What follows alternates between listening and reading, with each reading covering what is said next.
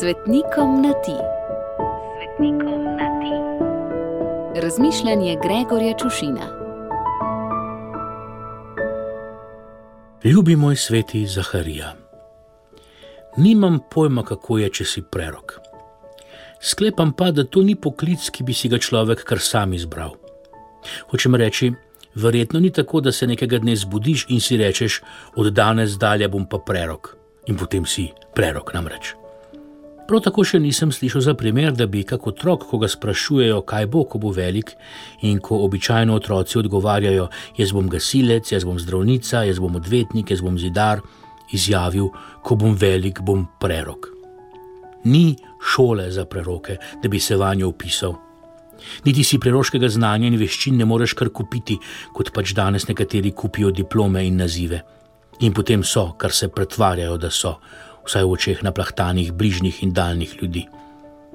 Preroka izbere in pokliče Bog. Bog ga usposobi in mu da znanja, modrosti in veščin, predvsem pa mu da svojega duha. Bog preroku v usta polaga besede, ki naj jih govori.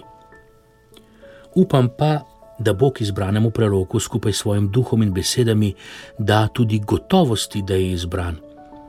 Sicer si lahko mislim in predstavljam, da si dotični izbrani in izvoljeni lahko misli in si predstavlja, da se mu je zmešalo. In je res, da imajo ljudje preroke dosti krat za nore. Kot je res tudi, da vseh sort norci zase radi trdijo, da so preroki. In je nažalost tudi res, da ljudje raje poslušajo in hitreje prisluhnejo slednjim, torej norcem. Zato ni čudno, da je na svetu kot pač je in kot so pravi preroki napovedovali, da bo noro. Lažne preroke besede slejko prej postavijo na laž. Če ne prej, tedaj, ko se njihove napovedi in besede ne uresničijo. A če si ljudje želijo slišati laži, ker živijo v laži, potem lažni preroki uživajo čast in ogled. In tudi o tem so pravi preroki že govorili. Ne zameri, ljubi moj sveti Zaharija, da te preroka skoraj nimam za mar, ko sem se tako razgovoril o preroštvu.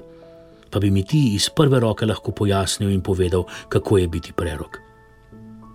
Verjetno ni lahko govoriti besed, za katere veš, da jih poslušalstvo ne bo hotelo slišati.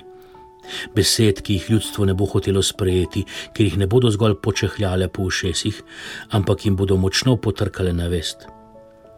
Potreben je pogum, da poveš, kar ti je Bog položil v usta, čeprav veš, da ti bodo ljudje za to pred nosom zapirali vrata ali pa te celo preganjali. A morda Bog skupaj z znanjem, modrostjo, veščinami, besedami in duhom prerokom da tudi potrebnega poguma. Ali pa, če se nekoliko pošalim, vsaj hitre noge. Ljubi moj prerok Zaharija, tvoje besede, zapisane v stari zavezi, veljajo še danes pa težko rečem nažalost, ker je to ne nazadnje dokaz, da so prav res preroške in od Boga, čeprav je resnično žalostno, da si jih ljudje še do današnjega dneva nismo vzeli za dosti k srcu. Obilo žegna za tvoj god, pa nam ga vrni in izli na nas, Gregor.